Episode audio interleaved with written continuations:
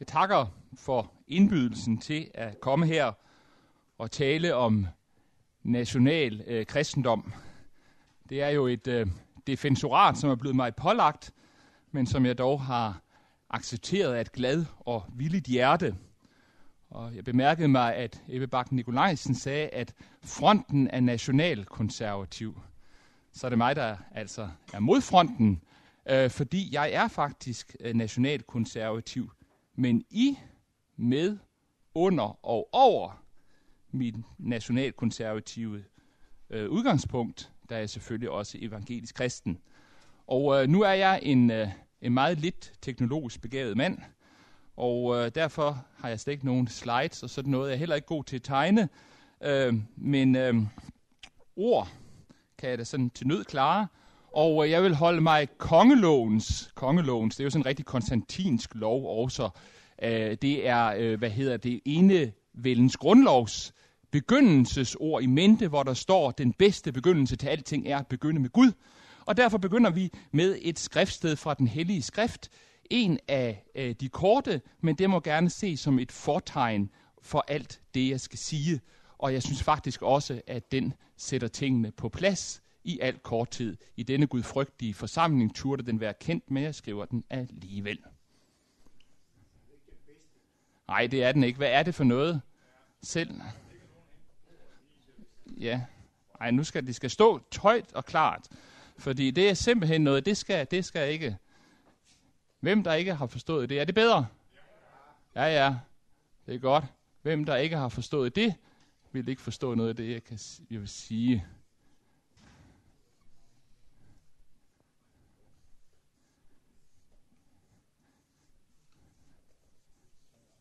Sådan. Og det er jo retteligt fra 1. Peter 2, 17. Og kan man, man kan læse det, frygt Gud er kongen, står der i Petersbrevet 2. kapitel, vers 17. Og øh, det øh, skal være fortegn for alt, hvad jeg efterfølgende vil sige. Og øh, den rækkefølge, er naturligvis ikke tilfældig. I det ligger der også en prioriteret rækkefølge.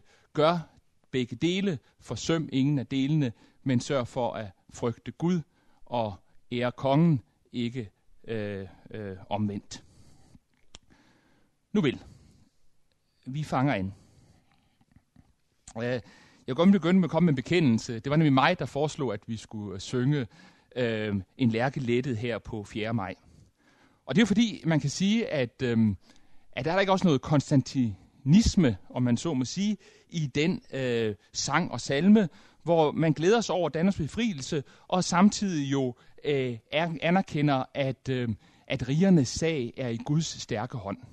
Øh, ofte så øh, hører man den beskyldning, at når man for eksempel siger, at Danmarks sag er Guds sag, ja, så spænder man Gud for en nationalvogn. Man nationaliserer Gud og gør ham realiter til en form for stammegud, som bare skal øh, betjene nationen og bidrage til den nationale opretholdelse og sammenhængskraft. På den anden side må vi sige, at naturligvis er øh, Danmark i sag også Guds sag.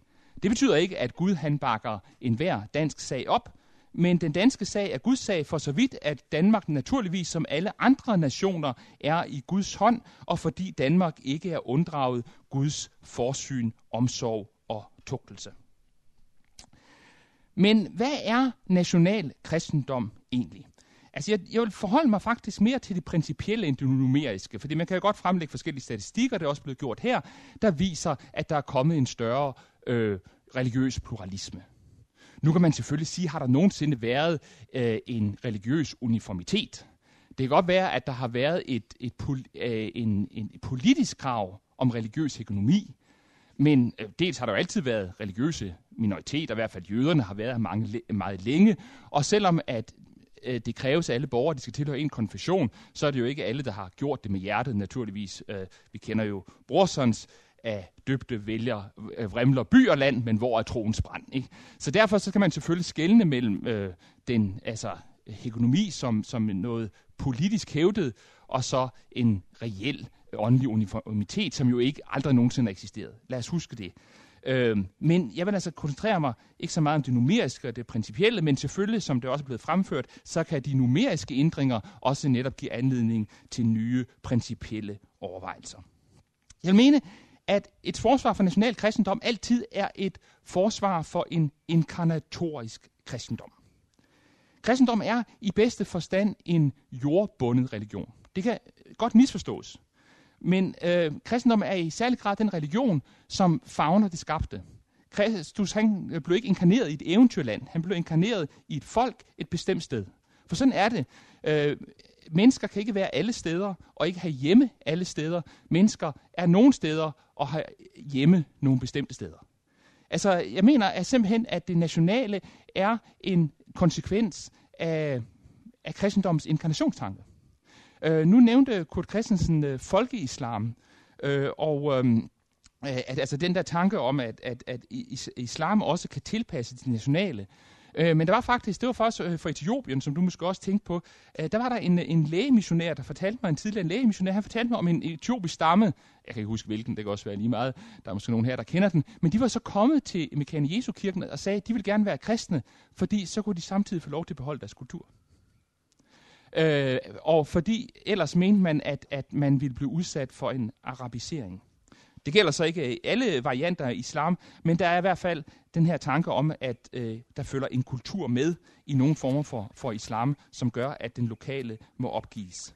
Det betyder selvfølgelig ikke, at, øh, at kulturen så bare kan kombineres friktionsløst med kristendommen, men der er en bevidsthed om, at kristendommen netop er en inkarnatorisk religion. Jesus han blev, han var i jødiske folk i et bestemt land, med en bestemt folk til en bestemt tid. En, en, øh, en, øh, en, en, sige, en unational, eller en, øh, en, en kristendom, altså, altså jeg har ikke hørt nogen kirke, der har Esperanto som kirkesprog, vel? Altså det er et kunstsprog, ikke? Det findes kun i intellektuelle hoveder. Vi, øh, vi er øh, nationale i den forstand, vi står her og taler dansk. Vi er ubehjælpelige en del af det her fædreland. Vi har ikke selv valgt det. Det er en del af vores arv. Det er simpelthen en realitet. Og, og, og det er i dybeste forstand i pagt med kristendommen, at den er inkarnatorisk. Derfor vil jeg sige, at det hører simpelthen med til kristendoms inkarnatoriske og i bedste forstand jordbundne karakter, at den også er national.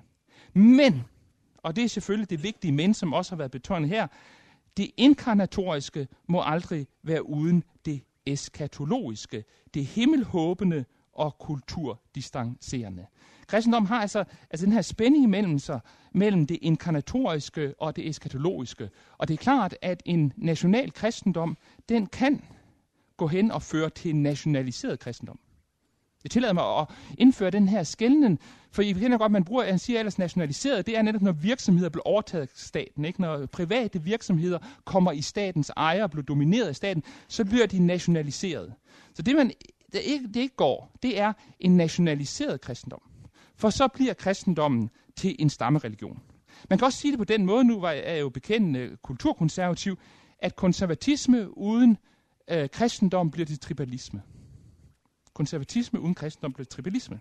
Øh, og derfor mener jeg, at de to ting hører sammen. Ikke fordi konservatisme og kristendom er to sider af samme sag, men fordi at det er øh, kristendommen, der holder konservatismen for at blive tribalisme, øh, samtidig med, at konservatisme, mener jeg, er et værn mod utopisme, altså kristendommen perverteret eller konverteret til ideologi. Og det fører mig også til at sige, at den måde kan man også varetage den universalistiske indsigt. For det undgår man, at universalisme bliver til imperialisme. Det er jo altså det er skyggesiden af alt universalisme, det er, at den bliver til imperialisme. Der er én ordning, én konge, én gud, én kejser. Øh, vi har snakket med Ask om det her i går, der fortalte han blandt andet om den, den katolske øh, teolog, som turde være kendt her, Erik Petersen, øh, som fortæller et sted i et essay, at, øh, at folk, der var imod øh, kejserdømmet, altså imod imperiet, de blev beskyldt for eo ipso at være politister. Fordi når det hørte med, troede du på en Gud, troede du på en kejser på et rige. Så hvis du egentlig var national, øh, så var du faktisk en slags øh, de facto politist. Altså monetisme, monarki, det passer godt til hinanden. Øh, men den sande universalisme er selvfølgelig den kristne universalisme, som netop ikke er imperialisme, fordi kristendommen øh, er ens for alle. Kristendommen øh, inkarnerer sig i forskellige kulturer, men Kristus er ens for alle, den der både er kultursolidarisk og kulturkritisk. Øh, så der er altså den her spænding, kan man sige. Og, og, og vi skal nemlig, øh, vi skal i national kristendom skal vi nemlig passe på over for de to faldgrupper, som netop er altså tribalismen og dualismen. Altså kristendommen som den bedste stammereligion, som fører til år og fred og sejr på slagmarken og altid klapper nakhaverne på ryggen. Og så en dualisme, hvor kristendommen bliver til en isoleret lille sekt, der mener, at hvor herre hersker i kirken, og udenfor der raser djævlen, og det er man øvrigt for alt for fint og from til at røre ved. Så hvordan finder vi den her, den her vej mellem øh, dualisme og øh, tribalisme? Altså den vej, øh, øh, altså, altså, øh, som, som, som tager hensyn til begge de bibelske betoninger, ikke? til Guds kærlighed til verden i Johannes evangeliet, og så selvfølgelig Johannes brevets advarsel om, at hvis nogen elsker verden, er kærlig, faderens kærlighed ikke i ham. Men opfordringen til ikke at tilpasse sig denne verden, øh, som vi finder hos Paulus og mangfoldige andre steder, og samtidig formaning mod øvrigheden som Guds tjener mellem kristendommen som det asociale og det socialiserende. Begge dele er kristendommen. Øhm, jeg kunne også øh, citere en, øh, en kulturkonservativ teolog, det kan man roligt kalde ham altså. Kultur, kulturkonservativ og også vel en nationalkonservativ teolog, nemlig Rekin Printer, som jo øh, bruger et kendt billede af skatten og lærkaret, som vi jo finder i 2. Korintherbrev, hvor Printer skriver, lærkaret, hvor i skatten rækkes os, og det er naturligvis evangeliet, er det danske sprog, som bærer evangeliet til vores ører og hjerter, den danske kirke, den danske lovsang, som er evangeliet, som omfatter, øh, som er øh, karret for evangeliets skrøbelige øh, evangelisk skat her hos os, og det ønsker vi skal være så dansk, øh, som noget kan blive. Altså, jeg synes, jeg er en meget fin skældning, hvor man siger, at lærkaret, det er altså det nationale og det kulturelle, mens skatten er evangeliet. Og lærkaret kan begribeligvis se forskelligt ud, så længe det lader skatten komme til øh, udtryk, så længe at kan man sige, lærkaret ikke er så tykt, at skatten ikke kan skinne igennem. Men skatten skal vidderligt rækkes i lærkar. Og samtidig skal man jo også huske, hvad den store øh, islammissionær Jens Christensen engang sagde, at han skulle belære islammissionærer øh, i, øh, i Pakistan om øh, dette, at man skulle øh, forkynde religion, som mange så som kommende for Europa, og måske ovenikøbet med imperialistiske tendenser, hvor han jo meget smukt siger, du kan aldrig komme uden om kristendommens fremmedhed, ikke fordi den kom fra Europa, men fordi den kom ovenfra.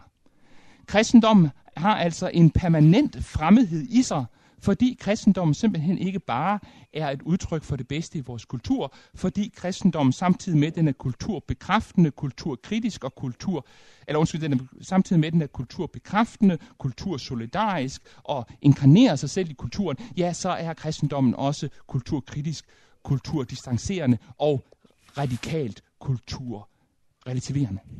Mennesket er ikke kulturens magt. Mennesket er mere end et kulturvæsen og kan ikke reduceres til det at gå op i kulturen.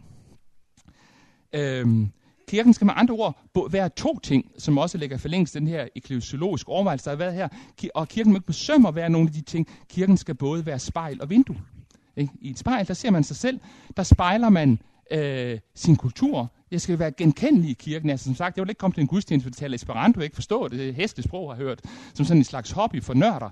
Øh, jeg skal selvfølgelig høre øh, evangeliet på min modersmål, og så også gerne på latin, men det er fordi, jeg er nørdet på en anden måde. Men under alle omstændigheder, alle omstændigheder, det skal jo tale til mig. Det skal være et sprog, øh, der, der i mit hjertesprog. Det skal være et sprog, der findes. Det skal være realitet over det. Det skal være inkarnation, også være gudstjeneste. Er jo i ordets bedste forstand en reinkarnation. Ikke? Ja, det skal ikke citeres uden for kontekst.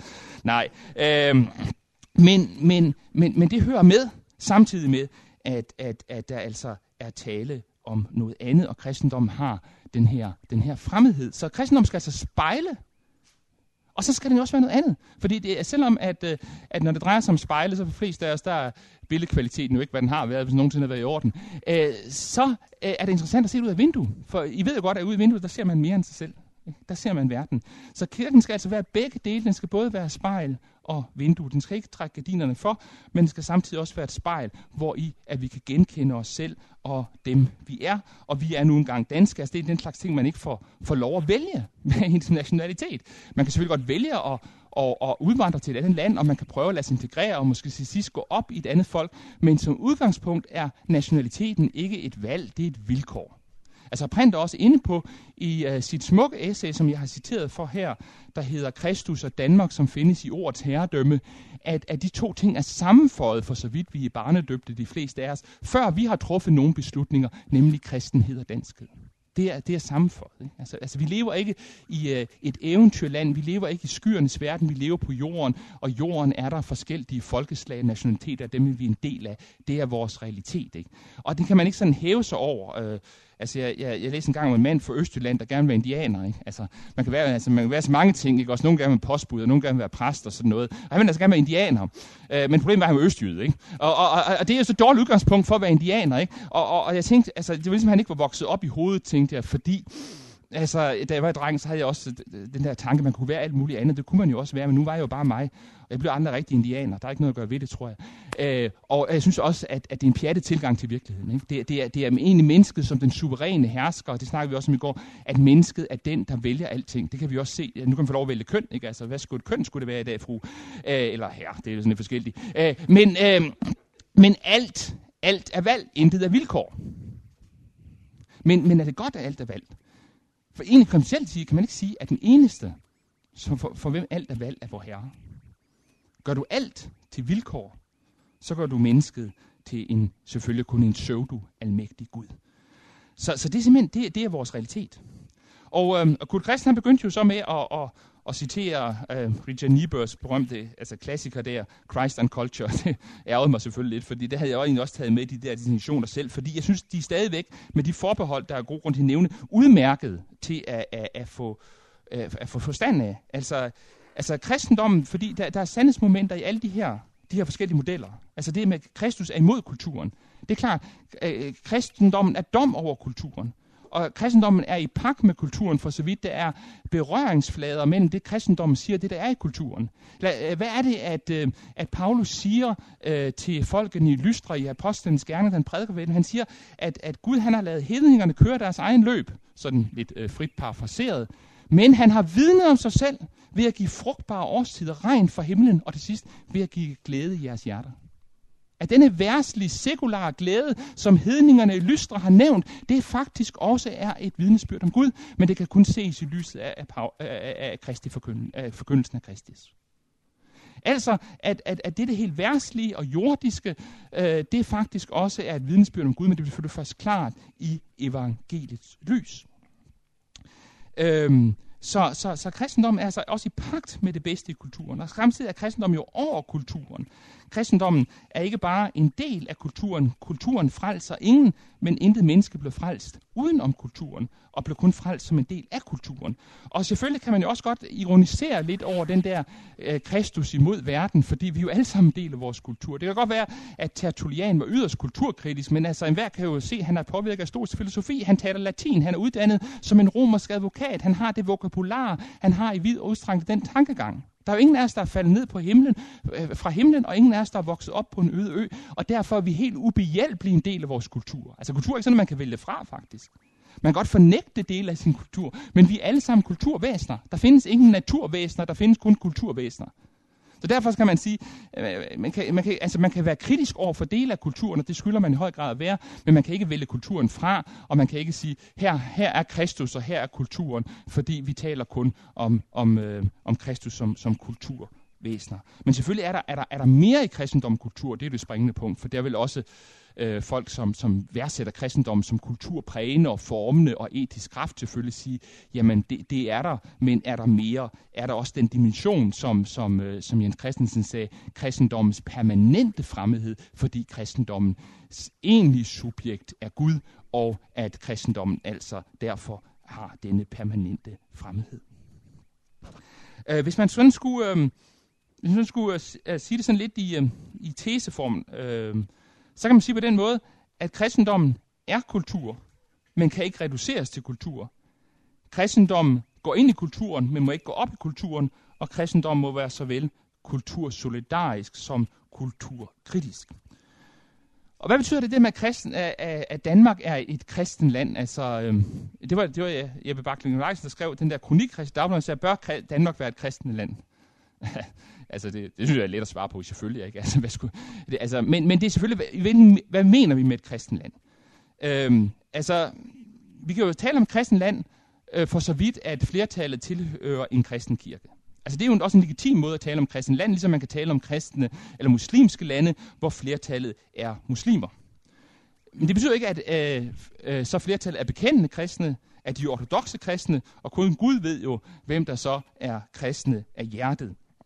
Altså, man, man, altså det, det er jo flere måder, man kan bruge det, men selvfølgelig kan man sige, at, at, at, at Danmark selvfølgelig bør være et kristen land, men der har jo aldrig været den her uniformitet, den her religiøse uniformitet. Det er en, øh, en utopi. Den har aldrig eksisteret. Det har været magthavernes agenda, men det har aldrig svaret til realiteten. Det siger jo også noget, at man er nødt til at lovgive for at få folk til at gå i kirke. Ikke? Hvorfor var man nødt til det, hvis der var denne uniformitet? Så det betyder altså ikke, at, at, at, at, at altså det er jo næsten helt indlysende, at Danmark nogensinde har været en stor lovsyngende menighed af guldkristne. Øh, men øh, for at nu vende tilbage til Krinter, så øh, siger han, Øhm, øh, folk kan ikke kristnes, det er fuldstændig rigtigt. Altså, øh, har, blot han gjorde danerne kristne, ikke? der begyndte, kan man sige, vores konstantinisme, konstantitionsbillede. Han gjorde danerne kristne. Det betyder jo selvfølgelig ikke, at han omvendte hver enkelt dansker, det er jo også kun heligåndens gerning, men det betyder, at kristendommen fik en privilegeret officiel stilling i riget. Og øh, Printer siger det på denne måde, at et folk kaldes kristen, vil sige, at folket gav Kristi kirke plads og frihed midt i folkets liv sådan at kirken ikke er skudt hen i en krog, men står der åben midt i folket, man kan godt sige på hederspladsen i folkets liv. Ja, sådan kan man tale om, om et kristen folk, en kristen land, det er, at, den, at, at kirken ikke er skudt hen i et hjørne, ikke er en insekt i en afkrog, men har fået hederspladsen i folkets liv. Og man kan sige, at hederspladsen i det danske folkeliv må selvfølgelig være øh, at finde i, øh, i grundloven. Øhm, men det er lige så klart selvfølgelig, at der er en fare med national kristendom, det er, at, at kristendommen netop skal blive nationaliseret, at den skillelinje, der er mellem verden og kirken, den skal øh, forplumres, og den skal øh, trækkes tilbage. Men altså, øh, jeg har haft en øvrigt glæde af at læse den amerikanske teolog Peter Leithards Defending Constantine. Fordi man må nok sige, at, at Konstantin han har virkelig haft en dårlig presse. Ikke? Det har han efterhånden haft i ganske mange år i den teologiske debat. Jeg tror, det måske begynder rigtigt med pietisterne, ikke? og Gottfried Arnold, som siger, at det var det store syndefald. Ikke? Så før der havde man altså disse kristne, og de var pacifister, og de havde martyrsind, og de var, der var diakoni i kirken, og de var magtkritiske, og så sælger kirken sin ubesmittede jomfru eller næsten til den grimme Konstantin, som så til gengæld øh, giver kri- øh, kirken øh, privilegier og, og, og, og forkæler den. Det er selvfølgelig karikeret, men øh, alle gode karikaturer, ja, også den af Muhammed, de ligner lidt øh, den, man karikerer. Øh, så, så, så selvfølgelig, altså, altså, øh, altså den der historie bærer vi med os, og, og Konstantin er sådan øh, prygelknappen i det her. Men der er jo også en anden historie. For samtidig med, at kirken blev politisk og kulturelt præget, så blev samfundet jo også kristianiseret. Den Konstantin, som privilegerede biskopperne, og som fik Eusebian til at synge hans lovpris, var også den Konstantin, som øh, afskaffede aborten og det at sætte børn ud.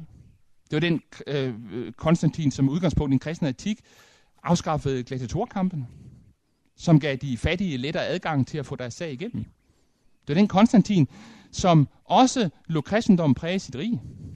Og det var altså ikke den Konstantin, der fik gentrumfet øh, de trinitariske dogme på mødet i Nikea. Det er sådan en, det er sådan en, en røverhistorie, der går på omgang. Det er rigtigt, han, han, han deltog i mødet, men det var altså ikke ham. Det er ikke, han har ikke opfundet træenighedslæren. Jeg går ud fra, at der er ikke nogen her, der, der tror det, men man hører det der, ikke også den, den, den grimme alliance mellem, mellem stat og kirke.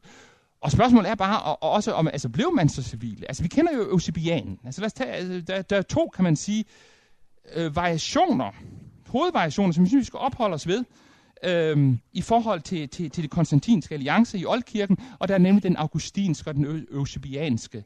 Øhm, og øh, den eusebianske ser jo simpelthen øh, uden videre øh, Konstantin som, som Guds redskab, øh, som den, der nu bringer kristendommen til ære og værdighed, som den store beskytter og velønder, og som den, øh, der, der fører Guds sag, når han fører sin krig. Det kan man sige, det er selvfølgelig en problematisk øh, teologi, som alt for let kommer til at identificere kejserens sag med Guds sag. På den anden side, så er det jo også en taknemmelighed over, at Gud, som er historiens herre, nu har øh, øh fået en kejser på tronen, som giver ly og læ til den, øh, til den kristne kirke. Altså, jeg skal stille spørgsmålet, skal kirken være samfundsbevarende? Kirken kan aldrig være andet end samfundsbevarende. Der findes ikke noget mere samfundsbevarende end kirkens forbøn for de magthavende. Og den forbøn er jo meget ældre, som enhver ved, end den konstantinske epoke. Også oldkirken, også den forfulgte martyrkirke, bad for øhm, øh, øh, kejser og folk i høje øh, stillinger. Selv Tertullian, hin kulturkritiske, radikale kristne, han bad også om romeriet måtte blive bevaret, således at der var noget, der holdt igen. Kirken er altid samfundsbevarende, for der er ikke noget, der bevarer kirken i høj, øh, øh, øh øvrigheden i højere grad end kirkens forbøn. Det ved øvrigheden ikke altid, men skidt nu med det. Øh, så, så det er den. Øh, også fordi, at kirken ikke venter sin frelse i det politiske. Det, altså, hvad, hvad er kendetegn for en god stat kristligt set, hvis vi ser for eksempel i pastoralbrevene? Det er jo en stat, der giver en ret til at være kristne. En, der lader en leve et akværdigt og gudfrygtigt liv. Ikke en kirke, som har, ikke en stat, der har den bedste efterløn, eller som, øh, som har måske det bedste retssystem, men en, der giver kirken mulighed for at være kirke. Altså kan man sige en stat, der kender sine grænser. Øh, staten, øh, problemet, altså staten og kirken kommer i det oplever, at kirken ikke længere, øh, staten ikke længere kender sine grænser. Eller kan man sige, hvor kirken ikke kender sine grænser. Men det var sådan en senere problemstilling. Så det er, det er, det er kirken altid. Øh, og kirken venter altså ikke sin øh, frelse i det politiske. Så spørgsmålet er selvfølgelig, er den konstantinske vending, er det bare kirkens syndefald, eller er det ikke også kulturens oprejsning? Er det et fald, eller er det en oprejsning? Alle ting er tvetydige. Den store øh, te, øh, katolske katolske teolog Hans Uffe Baldeser, han har sagt i smukke ord, alting har deres bagside, kun Kristus har ingen. Og, og det gælder alle åndelige fænomener, det gælder selvfølgelig også kirkens historie. Øh, men at sige, at hele kirken bare øh, faldt øh, på knæ for Konstantin og blev magtens øh, civile eftersnakkere, det kan kun skyldes øh, kirkehistorisk ignorance. Sådan var det ikke. Ligesom at kirken også før den konstantinske vending var faktisk fantastisk solidarisk med magthaverne. Ikke? Det var, man kan sige, øh, det var øh, jo kun når, når magten blev totalitær, at, at kirken øh, måtte undsige magten. Ikke? Altså, der er forskel på Rom og 13, og der er forskel øh, i forhold til, øh, til Johannes åbenbaring, ikke? hvor statsmagten er blevet diaboli, øh, diabolsk, fordi statsmagten kræver tilbedelse. Men, men det er også værd at huske, altså også sådan historisk set, at den statsmagt, som øh, Paulus kalder Gud og siger er Guds tjener, det var jo altså, det var under kejser Nero. Ikke? Det var ikke sådan en, en mild, blid, humanistisk politik, der blev ført der. Nej, det kan man ikke just sige, men, men, men ikke desto mindre, så er det. Øh, så var det også Guds tjener, fordi øvrigheden bærer ikke svær for ingenting. Og som Luther har, har, har mindet os om, så er det dybt problematisk, hvis det er, at vreden rykker ind i, i, i kirken, og øh, nåden rykker ind hos øvrigheden. Fordi så bliver kirken til lovreligion, og øvrigheden svigter sin opgave. Øvrigheden skal fatte sværet. Og, og det må jeg sige, det er også mit problem med den, den kristne pacifisme, som jeg synes er fantastisk. Altså, altså, altså, altså det er det problem, at, at hvordan kan man på en måde sige, at øvrigheden er Guds tjener, og samtidig ikke selv vil deltage i det tjenerskab. Man nyder godt af den ly og læs, som sværet rækker, men man er for fin til selv at tage om det. Øh, man øh, lever i en anden sfære, og mener altså, at, øh, at den Guds gerning, det er at øh, beskytte sin næste, det er man hævet over. Altså, der står, vi skal vende vores egen kind til i sandhed, men vi har ikke lov til at vende vores næstes kind til. Øhm, så er det her, den konstantinske vending, bare et, et fangenskab? Eller ikke også et partnerskab? Et ægteskab? Eller måske, et ord, jeg lige selv har præget, mens jeg står her, det kunne jo også være et viatorisk naboskab. Så det kan han introducere. Øh, forholdet mellem stat og kirke som et viatorisk naboskab, det kommer selvfølgelig af, at vi jo siger, at her i tiden, der øh, driver vi teologi, det der kalder teologia viatorum, altså de vejfarendes teologi, i den forstand, at øh, vi er et pilgrimsfolk. Vi er ikke nået til vejs ende. Verden er ikke vores sidste station på vejen. Denne eon for ende. Og det er klart, at det inkarnatoriske altid skal øh, korrigeres, udvides, perspektiveres af det eskatologiske. Der kunne være det, at, at mellem stat og kirke, der kunne der være en, øh, et netop viatorisk naboskab. Og naboskab, det betyder, at man, at man kender sine grænser. Vi ved, hvor vi har hinanden. Ikke? De gode naboer, de bor ved siden af hinanden, men de ved også, at der er et skæld. Ikke? Den gode nabo er ikke ind og, og tager noget fra den anden. Den gode nabo respekterer den anden, samtidig med, at de bor på samme vej. Og stat og kirke er på vej samme sted hen. Kirken er et samfund i verden, men kirkens ambition er jo, at en dag skal kirke og verden blive et. Det er jo kun forløbet, det er inter, i interimet, at det er sådan, at der er skilt mellem kirke og verden. En dag skal kirken være et, og så vil der ikke være nogen kirke, fordi Gud vil være alt i alle, og der vil ikke være nogen helligdom, fordi Gud vil være åbenlys for alle. Så man kan sige, at verden er midlertidig, kirken er altid. Og kirken viser verdens skæbne. Kirken er ikke identisk med verden, men kirken viser, hvor verden går hen. Men selvfølgelig, der findes ingen fare. Og man kan sige, der er øh, selvfølgelig sekulariseringens fare. Øh, og øh, altså den fare, at øh, teologien bliver udvandet, og teologien netop bare bliver et spejl af samfundet, i stedet for et vindue til noget andet. Altså, at øh, den her, det der viatoriske naboskab, det bliver sådan et undertrykkende ægteskab med, kristen, øh, med, med, med staten som en undertrykkende. Det er en variant, at staten kan undertrykke det. Det er, kan man sige, den cesario-papistiske variant. Ikke? Øh, det, det tænker jeg, der, øh, der med loven om homoseksuelle ægteskab, tænker, der er gået lidt cesario-papisme i Folketinget. Det er fordi, jeg ved ikke, hvad det betyder, men det kan være lige meget. Øh, fordi her er der kan man sige, en statsmagt, der går ind og forventer, at kirken leverer en specielt ritual, som mange af os i hvert fald af et ærligt hjerte mener er i dybeste modsætning med kirkens teologi. Altså jeg så en dansk biskop, der sagde, når vi har denne forbindelse mellem øh, stat og kirke, og, kirken ved, og staten vedtager et lov om homoseksuelle ægteskaber, så skal kirken levere ritualet. Øh, jeg behøver ikke gå ind i den diskussion nu, men det er selve tankegangen. Altså er det, er det konsekvensen af den konstantinske øh, øh epoke, eller, eller, eller ordning, som vi altså om har nu, uanset hvor postkonstantinisk vi er, som vi sige, der var noget konstantinisme der i biskoppen sind, som sagde, altså leverer staten, eller undskyld, når staten vedtager en lov, så skal kirken øh, levere ritualet. Sådan må det være. Det ligger i det her. Det er, sådan, det, det er denne ægteskabspagt, vi har tegnet med skaden. Eller behøver det at være sådan? Er det den eneste mulighed at tænke det? Man kan også sige, at øh, øh, kirken eller kristendom kan relativere staten, sætte den på plads. For hvad sker der, hvis en, en, en, en, øh, en, øh, en stat er neutral? Jeg tror ikke, der findes nogen neutral. Den er ikke neutral. Den er religionsneutral. Den får bare en anden øh, øh, religion. Og det kaldes så værdier. Det kaldes humanisme, eller det kaldes menneskerettigheder. Det er jo bare en anden religion. Så bliver det den, der bliver det bærende. Og i modsætning kan man sige til kristendommen, så er humanismen, øh, den er jo grænseløs. Altså, altså kristendommen er i den forstand jordbundet.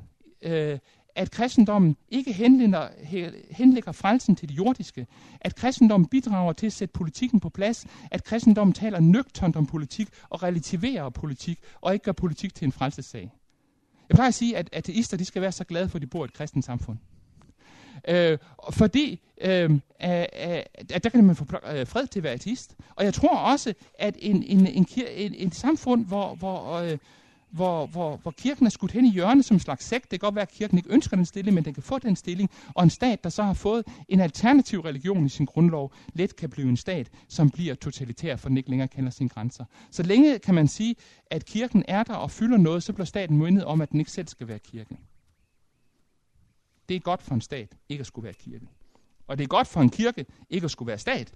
Fordi øhm, så er der jo også den anden, kan man sige, den papistiske, eller det man kan kalde sakraliseringsfare. Altså der er en far for en sekulariseret teologi, hvor teologien bare går i statens tjeneste og leverer det teologiske, skråstreg ideologiske øh, øh, fundament for statens gøren og laden. Og så er der selvfølgelig også den anden, det er så ikke så aktuelt herhjemme, men det har jo været aktuelt før, sakraliseringen, hvor, hvor, hvor, hvor kirken overtager det politiske, og hvor kirkefolk, eller en pave, dengang de havde magt, som de havde agt, nej nu er de vel ikke agten længere heller, øh, til at diktere, hvad der var en rette politik på alle måder. Ikke? Så vi har både øh, sakraliseringsfare, og vi har sekulariseringsfare.